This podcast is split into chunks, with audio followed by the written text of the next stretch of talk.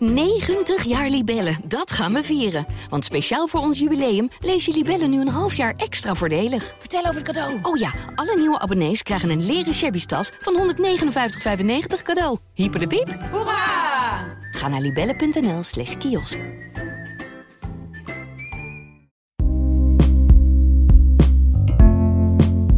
Hallo, mijn naam is Pieter Klok. Ik ben hoofdredacteur van de Volkskrant en dit is een nieuwe aflevering van de Volkskrant Elke Dag. De dagelijkse podcast waarin we de achtergronden bij het nieuws bespreken en vooral proberen te schetsen hoe de wereld op tal van terreinen onder onze ogen aan het veranderen is. En vandaag gaan we het hebben over zaken doen met Rusland. Er zijn natuurlijk allerlei boycotts afgekondigd door, door de Europese Unie. Eh, die, die zijn in de loop van de tijd versterkt. Het lijkt alsof eh, Rusland eh, inmiddels economisch helemaal is afgegrendeld. Maar dat blijkt toch niet het geval. En daarover gaan we uitgebreid hebben met uh, Michael Persson. Welkom Michael. Dag, dank. Ja, volgens mij was het toeval, maar, maar vorige week had je een uitgebreid stuk over uh, uh, legale handel met Rusland. En, en vanmorgen had je een stuk over min of meer illegale handel met Rusland. Om, om met het legale deel te beginnen. Jullie hebben uitgebreid onderzoek gedaan wie nog zaken doet met Rusland. En, en er bleek ook dat een aantal Nederlandse bedrijven toch al die tijd gewoon in Rusland actief zijn gebleven. Wel, welke bedrijven vielen jou het meest op? Wie gingen daar het verst in? Het verst uh, gaat eigenlijk uh, het moederbedrijf van Douwe Egberts en, en Pickwick, dus de koffie- en theefabrikant. JD Peets heet dat. Dat is een uh, bedrijf dat hier in zijn hoofdkantoor in Amsterdam naast het station heeft. Ja, die hebben eigenlijk gewoon alles laten doorgaan wat er door kan gaan. Dat is niet alleen de verkoop, maar ook de fabriek die ze daar hebben. Daarmee uh, proberen ze zoveel mogelijk te negeren wat er gaande is, zo lijkt het. Ja, wat, wat me dan ook vooral opvalt, is dat, uh, dat zo'n bedrijf ook niet daarop niet aanspreken is. Wat, wat, wat, wat mij verbaast. Het is ja. een groot uh, bedrijf met grote merken, bekende merken. Kennelijk. Want dit mag gewoon. Dit mag wel gewoon. Ja. En dan verkopen ja. ze in Rusland ook vooral koffie, thee. En wat, wat verkopen ze nog meer? Ja, koffie, thee uh, zijn de belangrijkste. En dan allerlei varianten natuurlijk van koffie, van filter tot aan uh, allerlei uh, gevriesdroogde oplosdingen. Kijk, kijk, wat er mag en niet mag. Er zijn sancties opgelegd aan Russische personen, entiteiten, Russische bedrijven. de derde groep zijn eigenlijk producten. Mm-hmm. En producten die eventueel zouden kunnen worden gebruikt in wapens. Producten rond olie en gas natuurlijk, waar de Russen overduidelijk veel geld aan verdienen. Dat gaat om de export van Russische spullen. Maar de export vanuit Nederland naar Rusland, dat mag nog wel. Uh, activiteiten van Nederlandse bedrijven in Rusland, dat, dat mag nog ook. Zolang het ja, niet staatsgevaarlijk is of in ieder geval niet, uh, geen link heeft. één, met de oorlogsmachine direct. Of twee, met uh, mensen die gesanctioneerd zijn. Dus je mag geen zaken meer doen met nou ja, die hele waslijst aan oligarchen die op de Europese sanctielijst staat. Maar goed, indirect, of tenminste als je daar maar genoeg afstand van hebt, dan, dan kan er nog van alles. En er is nog heel veel mogelijk, zo, zo blijkt dan. En het geldt dan van JD Peets tot Unilever tot Philips. Die uh, zitten er allemaal nog? Ja. Bavaria? Bavaria is uh, ook een, dat is een... Uh, nou, niet per se een twijfelgeval, want het is duidelijk dat die nog steeds... Maar die hebben, die hebben niet zo heel veel activiteiten, maar die hebben een licentieovereenkomst met een lokale brouwer. Die brouwt hun bier. En die brouwt nog steeds een bier. Dus daar verdienen ze nog steeds ook geld aan. Nu hebben ze wel die overeenkomst gestopt. Maar per wanneer die is gestopt, dat is uh, onduidelijk. Dus in die ja. zin blijft het ook gewoon doorgaan. Maar de export naar Rusland mag dus gewoon, tenzij je, mogelijk de defensieindustrie ermee versterkt. Dat is de enige echte beperking. Defensie en luxe producten. Oké, okay, luxe, producten, dat is een tweede, ja. En luxe, dat, uh, ja, waar die grens ligt, uh, koffie dus niet, uh, magnums ook niet. Die nee. worden nog steeds verkocht. Maar jachten wel. Oké. Okay. dure horloges, sieraden om het makkelijk te maken, is er wel een uh, bedrag aangekoppeld. 300 euro minimaal. Ja. Dus vanaf 300 euro is er een mogelijkheid dat je, dat je product luxe is. Maar het gaat wel echt om iets, iets wat eigenlijk uh, overbodig is. Ja, maar, maar, moeten we het niet te min erg vinden? Hoe, hoe, uh, hoe kan je tegenaan kijken? Want je betaalt, ze betalen ongetwijfeld belastingen in Rusland. Dus spekken indirect de kas van Poetin. Ja. Wat zijn nog meer redenen waarom je dit erg zou moeten vinden? Ja, we hebben als journalisten natuurlijk makkelijk dat, dat, we, dat, dat we geen moreel oordeel hoeven te vellen, maar dat uh, als, als de lezer dat wil doen. Ja, er zijn eigenlijk twee argumenten of twee dimensies waarin je dit uh, erg kan vinden. De een is inderdaad de financiële kant, dus dat deze bedrijven door, door te gaan met hun activiteiten, hoe dan ook, geld verdienen, waarvan een deel naar jezelf gaat. Mhm. Maar ook, uh, ja, er wordt belasting betaald, of het nou omzetbelasting of winstbelasting is. Maar er gaat er een deel naar de Russische staatskas. En dat is natuurlijk ook de oorlogskas. Dan wel de, de zakken van Poetin en zijn vrienden. Daar draag je aan bij. En het tweede is ja, dat, je, dat je helpt het leven te laten doorgaan, ook voor de gewone Rus. En we hebben aan het begin van de oorlog wel gedacht van ja, die gewone Russen, die, die, die, hoeveel zijn er nou precies die deze oorlog willen? Uh, maar gaandeweg ja, blijkt toch een, een groot deel van de gewone bevolking daar ook achter te staan als je die wil laten merken dat wij dat uh, niet waarderen, dat er een Mhm. oorlog wordt gevoerd, dan moet je ook, ja, dat is ook het idee, een deel van het idee van de sancties, dat je hen dan ook uh, uh, dat moet laten voelen. Dus door door te gaan met het verkopen van je scheerapparaten of magnums of koffie, geef je ook de gewone Rus in de supermarkt het idee dat alles nog Ja. gewoon is en bij hetzelfde blijft. En daarmee um, laat Ja. het hen niet voelen. Ik wil niet dat zeggen dat ze allemaal pijn moeten lijden, maar toch, dat is wel het idee van sancties. Dat Ja. je ook uh, het merkbaar maakt in het gewone leven. Ja, maar er zijn natuurlijk wel heel veel bedrijven geweest die wel hebben besloten hun activiteiten te staken. Beroemdste voorbeeld misschien wel McDonald's. eh, Die ooit uh, na de val van de muur als een van de eerste naar, naar Moskou trok. En, en, en uiteindelijk heeft besloten om daar uh, als uh, fastfoodketens te sluiten. Is dat de norm? Kun je zeggen dat de meeste bedrijven die in Rusland actief zijn, er, ermee zijn opgehouden? Of? Uh, een aantal grote bedrijven, uh, grote multinationals, ja, het ligt eraan echte vertrekkers. Sommige, er is een Amerikaanse onderzoeksteam bij Yale, uh, die zien dat meer dan de helft van dat soort multinationals echt vertrokken is. Dan is er een Oekraïense groep, uh, die houdt het op, ik geloof 22 procent, die min of meer vertrokken is. Dus er is wel een hele grote marge, afhankelijk van de hoeveelheid bedrijven en welke bedrijven je meetelt. Zeker in het middensegment, die wat meer onder de radar zit en ook geen verantwoording hoeven af te leggen aan, uh, aan aandeelhouders of, of aan consumenten, lijkt de groep nog wat groter te zijn die nog wel uh, zaken doen. Al is het maar een ja, tuinders die uh, nog bloemen ja. verkopen, die zijn er ook nog allemaal. Dus ja, er zijn een paar in het oog springende merken geweest. In Nederland ook Heineken, Shell is een, een vroege vertrekker geweest, maar die zit natuurlijk wel in de oliebranche, dus die had wel meer reden en die had ook, die was wel uh, zo vaak uh, genaaid al door de Russen dat die ja. dachten van nu doen we de deur echt definitief dicht.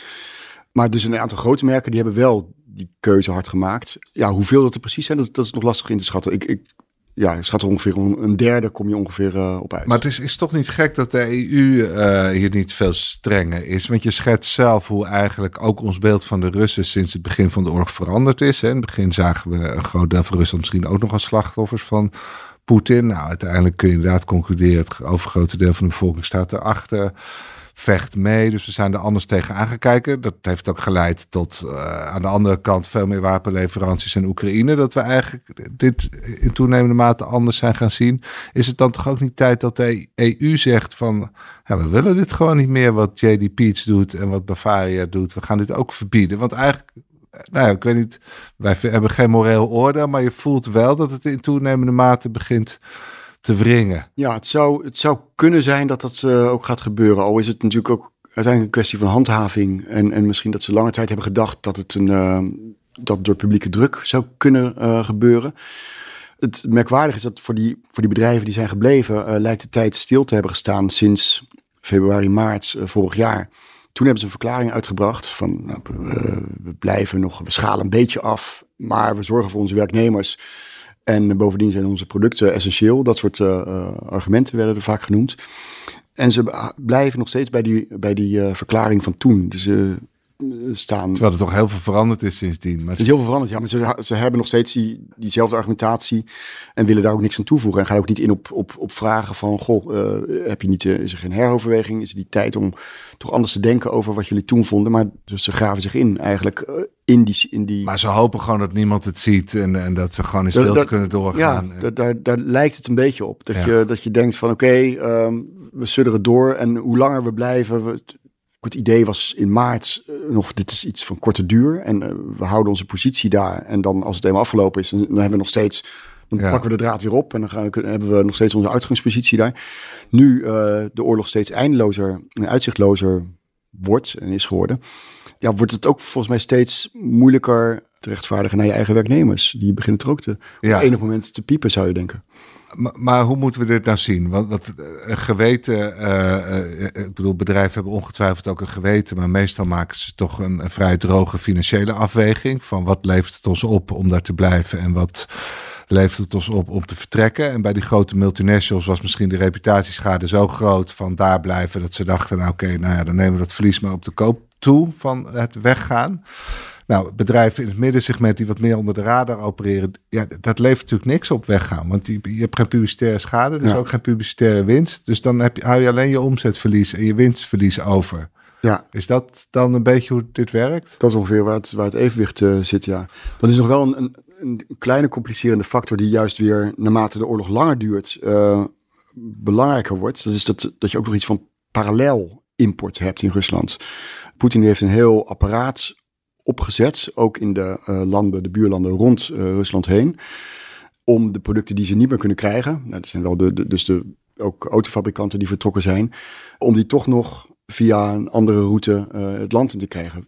En dat geeft eigenlijk weer aan dat het ook Poetin, dat hij snapt dat je het gewone leven zoveel mogelijk moet laten doorgaan, zodat het zo min mogelijk pijn doet voor de Russen. Dus je je hebt bijvoorbeeld BMW's, Ja. die kun je nog steeds krijgen en dat gaat niet via de officiële Maar kanalen. hij heeft dat eigenlijk al uit voorzorg of hij heeft al een soort parallele importstructuur waardoor eigenlijk het verlies voor de gemiddelde Rus Ja, zeer beperkt blijft. Hij heeft heel, heel concreet heeft hij gezegd van ja, je wordt niet vervolgd als je inbreuk maakt op het merkenrecht. Eh, want normaal gesproken zitten natuurlijk dit soort dingen, eh, routes die mogen niet, die zijn verboden. Maar dat laat hij allemaal toe en dat moedigt hij aan. Dus er is een hele parallele structuur opgebouwd sinds de oorlog om toch zoveel mogelijk van die producten binnen te krijgen. Ja. Via Turkije met name, Kazachstan. Die parallele import, dat is nu een argument ook voor sommige, nou Unilever bijvoorbeeld, om te zeggen van ja, als wij nu weggaan, dan komt het via andere routes alsnog binnen. En dan, eh, en, en is het, dan komt het in nog eh, slechtere Ja. zakken terecht. Maar het gevolg is dus, en dat heeft correspondent Geert Groot-Koerkamp hier al vaker geschetst, dat, dat het voor de gemiddelde Rus die economische sancties gewoon niet zo heel erg zichtbaar zijn. Vooralsnog niet. En zeker niet als je Nee, eh, het is nu na een jaar al zo, dus waarom zou het veranderen? Dat is inderdaad een goede vraag. Want ehm, een aantal bedrijven zijn er nog. Een aantal andere producten komt dus via die parallele eh, Ja. import. Dus eh, de pijn die je die gewone rust zou, zou willen doen of zou Ja. willen laten voelen, die, die valt wel te omzeilen. Mhm. Ja. Hey, over parallel import gesproken. Je had vanmorgen een stuk over de Nederlands-Russische Dmitri K. Die in Gorsel woont. En die exporteert eigenlijk nog gewoon producten die wel in de defensieindustrie kunnen worden gebruikt. Dus die wel onder de sancties vallen. Vat Ja. ik het dan goed samen? Precies, ja. ja. De gemeenschappelijke deler met die eh, grote bedrijven is eigenlijk dat, dat ook hij eh, door is gegaan met waarmee hij bezig was. Namelijk het eh, verhandelen en, en verkopen van spullen, importeren, exporteren van onderdelen en apparaten naar Rusland. En tot 24 januari vorig jaar eh, mocht dat. Daarna werden de sancties afgekondigd en sindsdien mag het niet meer. En hij is er wel mee doorgegaan. Maar hij had een soort in- en exportbedrijf? Of, Daar kan je het eigenlijk op, eh, ja, zo kan Gewoon een pure handel. Eh, Gewoon handel, want het, is, het gaat lang niet alleen om Nederlandse producten, maar ook nou ja, Chinese drones, hoogstwaarschijnlijk, die hij importeert en dan weer exporteert naar, nou ja, niet meer direct naar Rusland, maar via een omweg komen die maar Rusland die producten zijn dus sinds begin vorig jaar verboden. En, en hoe, hoe doet hij dat dan precies? Het lijkt erop dat hij wordt aangestuurd door een eh, eh, connectie in Rusland, meneer B, en die doet dus eigenlijk bestellingen bij hem.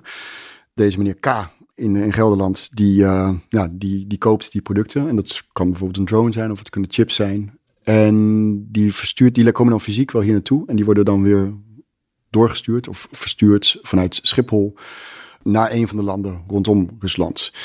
Hoe dat precies gaat, weet ik niet. Want de vrachtbedrijven die ik eh, heb gevonden, die uiteindelijk deze zendingen ook hebben gestopt, omdat ze het toch verdacht begonnen te eh, vinden, die zeiden bijvoorbeeld, er staat op dat de klant in de Malediven zit. Nu is dat dan een hele verre omweg. En eh, daar gaan ook niet elke dag lijnvluchten volgens mij naar de, naar de Malediven. Dus die wordt al, eigenlijk wordt dat etiket, voordat het in de Malediven is, wordt het weer omgekat en wordt daar een bestemming in, eh, in Turkije of Kazachstan van gemaakt. En daar vandaan wordt het dan via weer andere tussenhandelaren waarschijnlijk over de grond gewoon per vrachtwagen naar Rusland vervoerd. Oké, maar de, de, bedoeling is om een, een soort dwaalspoor uh, ja, te creëren. Ja, dus er zitten een aantal bedrijven tussen, uh, Shell-bedrijven, die opgezet zijn puur om te doen alsof het niet naar Rusland gaat. En waarom is dat illegaal? Want Turkije en Kazachstan exporteren, dat mag gewoon. Uh, ja, maar ook uh, het omzeilen van sancties via derde landen is, is uh, officieel verboden. Maar ik kan niet zeggen, ja, dat weet ik allemaal niet. Ik lever het gewoon aan, aan Turkije en Kazachstan en wat ze er verder mee doen, daar ga ik niet over. Nee, want daarvoor de, wordt verondersteld dat hij wel weet dat het naar Rusland gaat. Omdat ook uit zijn telefoon, afgeluisterde telefoon is gebleken dat, dat die bestellingen uit Rusland of door Rusland worden gedaan. Dan wordt er vervolgens een bedrijf opgezet waarvan hij weet dat dat een hol bedrijf is. En dat is dan de, de bestemming. Er staat zijn handtekening onder die exportformulieren. Nou ja, omdat die bestelling wordt gedaan vanuit Rusland, zegt of betoogt het Openbaar Ministerie dat hij weet dat die, die uh, uh, klant die hij opgeeft ja. uh, onzin is, niet bestaat. Maar dus dit gaat een beetje, dat is een beetje ook de lijn die eh, het OM lijkt te volgen. Dat je een soort fraude slash valsheid in geschriften kan aantonen om op die manier te laten zien. Maar heb je wel die afgeluisterde telefoongesprekken voor nodig? Dat denk ik wel, ja. Ja, ja dat denk ik wel. En uh, want je kan anders heel lang volhouden natuurlijk dat je ja. niet wist dat het Rusland maar ging. Heb, ben je erachter gekomen hoe hij in Nederland is beland en, en uh, nou ja, waarom hij nu uh, vanuit Gorsel of Schiphol dan vooral, het wordt vooral via Schiphol dan allemaal gedaan zijn zaken. Daar, maar daar zit in ieder geval een van de... Een van de zijn bedrijf is gevestigd in Gorsel. Ja, het is gewoon een bedrijf aan huis. Hoe hij in Nederland belandt, dat, dat weet ik niet. Ik weet alleen dat hij een tijdje bij de Russisch-Orthodoxe Kerk in Arnhem heeft gewoond. Of dat was een, uh, zijn adres voordat hij in Gorsel zat. Dus dat vond ik een interessant, uh, interessante lijn. Maar dat is vooralsnog daar doodgelopen. Uh, omdat de kerk zelf daar niks over wil zeggen. En ook Dimitri K. die wilde ook verder niet met me praten. Dus ik ben heel, heel benieuwd. Maar het zou heel goed kunnen zijn dat hij gewoon op een gegeven moment uit Rusland naar Nederland is geëmigreerd. Wat voor reden dan ook. Hier een handeltje is begonnen. Hij zit er al echt decennia waarschijnlijk. En nou ja, uh, met het import- en exportbedrijf is begonnen. En dat dat pas uh, illegaal werd na vorig jaar. Ja, maar kan hij ook nog een soort verlengstuk van het regime zijn? En, de, en het, werkt de orthodoxe kerk ook als de Russische orthodoxe kerk ook als verlengstuk van regime? Weten we daar iets van? Of is dat ja, dit is wel mysterie? dit is een ietsje.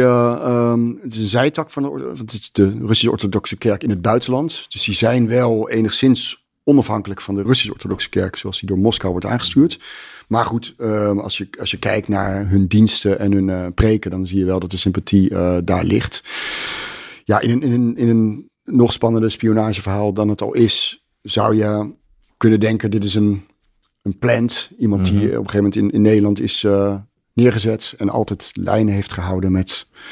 Een soort Russische lange arm, hè, die we ook bij ja. Iran hebben gezien. Maar dat is wel heel speculatief, want dat, dat, okay. dat is wel een hypothese die... Ja, maar dat is bij lange armen altijd zo, want ze zorgen ervoor dat het altijd heel moeilijk ja. is om hard te maken. Maar goed, dat, dat, dat lijntje, die, dat huis of die woning, dat adres bij uh, de Orthodoxe Kerk in Arnhem, dat, ja, dat, dat is wel iets um, wat ik nog wel wil uitzoeken. Ja, ja, maar het OM probeert het eigenlijk beperkt te houden. Die probeert gewoon puur hem als handelaar aan te klagen en heeft niet probeert ook geen verhaal te construeren dat hij iets groters aan de hand Nou ja, dat niet helemaal, want ze hebben ook wel, ze hebben ontdekt dat er dus een lijn is met um, de firma Rostek, en dat is een defensiebedrijf in Rusland. En daarvan hebben ze gezien of, uh, dat dat bedrijf dus een speciale licentie heeft uh, van de FSB om spullen te mogen kopen en uh, dat te kunnen gebruiken in, in de defensie toepassingen. Dus zij hebben dat ook wel gezien. En ze hebben daar, daarnaast uh, hebben ze ook in hun, uh, in hun stukken hebben ze beschreven dat op die telefoon ook duizenden foto's staan van Russische propaganda of dode militairen, explosies in Oekraïne. Dus ze proberen wel hem tot een uh, exponent van Rusland te maken. En in ieder geval ook of het dan een, een, formele exponent is, dat hij een, echt een harde lijn heeft met de geheime diensten bijvoorbeeld. Dat niet per se.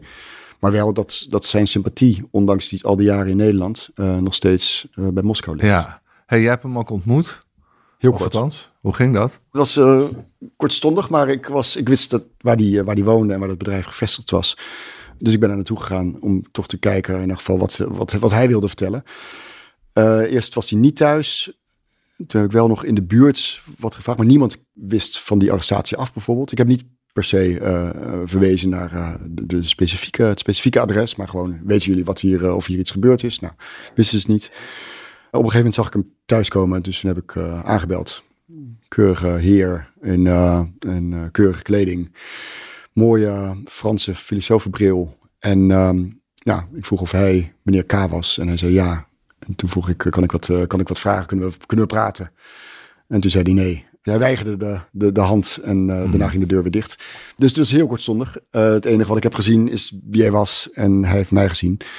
En wat me wel opviel, is dat hij verder een, ja, daar gewoon dus een uh, keurig leven lijkt te leiden met, ja, met een familie die daar ook gewoon woont. En ehm, in die zin zal zijn voorarrest hoogstwaarschijnlijk voor de buurt en voor zijn gezin vooral een, een vakantie zijn geweest. ja. een zakenreis maar nog even om, om aan het eind proberen in te schatten wat we hier nu eigenlijk zien.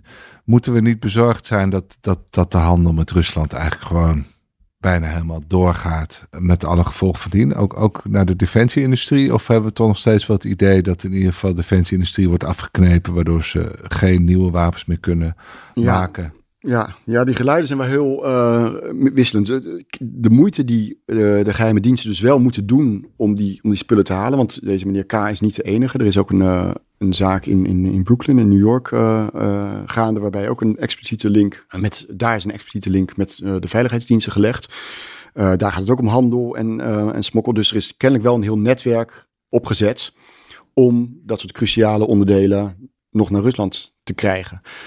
En dat gaat via allerlei omwegen. En dan moet het uiteindelijk uh, over land vanuit die buurlanden naar, naar, Rusland. Dus het gaat niet vanzelf. Het, zal, uh, het kost meer moeite. Dus eh, het, zal, het volume zal zeker afnemen. En er zijn ook wel signalen die, dat, uh, die daarop wijzen.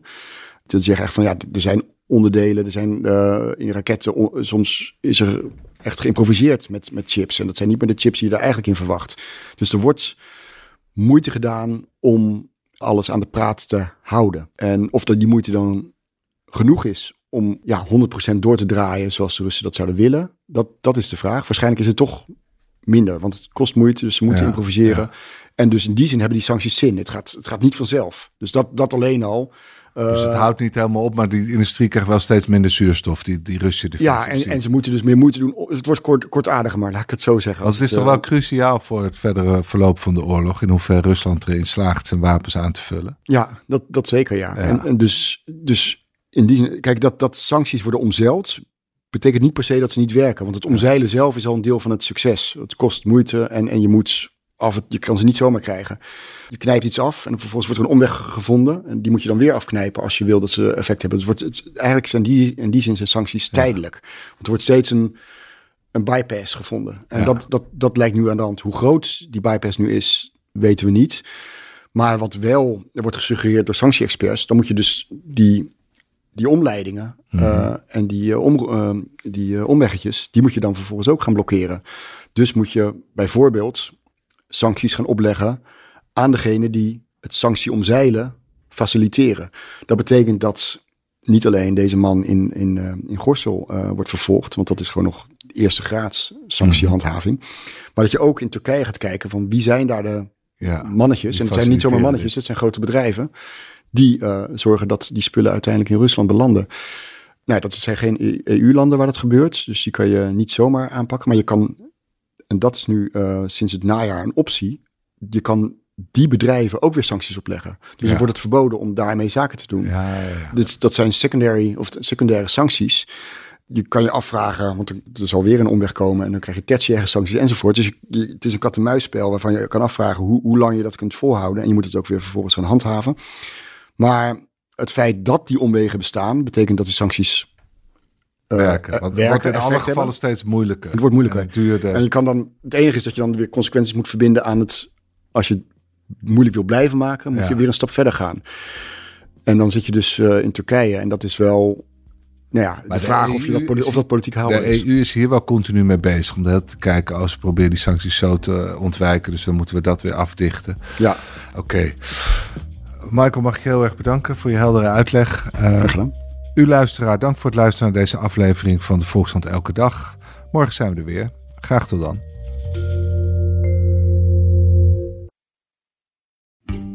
90 jaar Libellen, dat gaan we vieren. Want speciaal voor ons jubileum lees je Libellen nu een half jaar extra voordelig. Vertel over het cadeau. Oh ja, alle nieuwe abonnees krijgen een leren shabby tas van 159,95 cadeau. Hyper de piep. Hoera! Ga naar libellen.nl slash kiosk.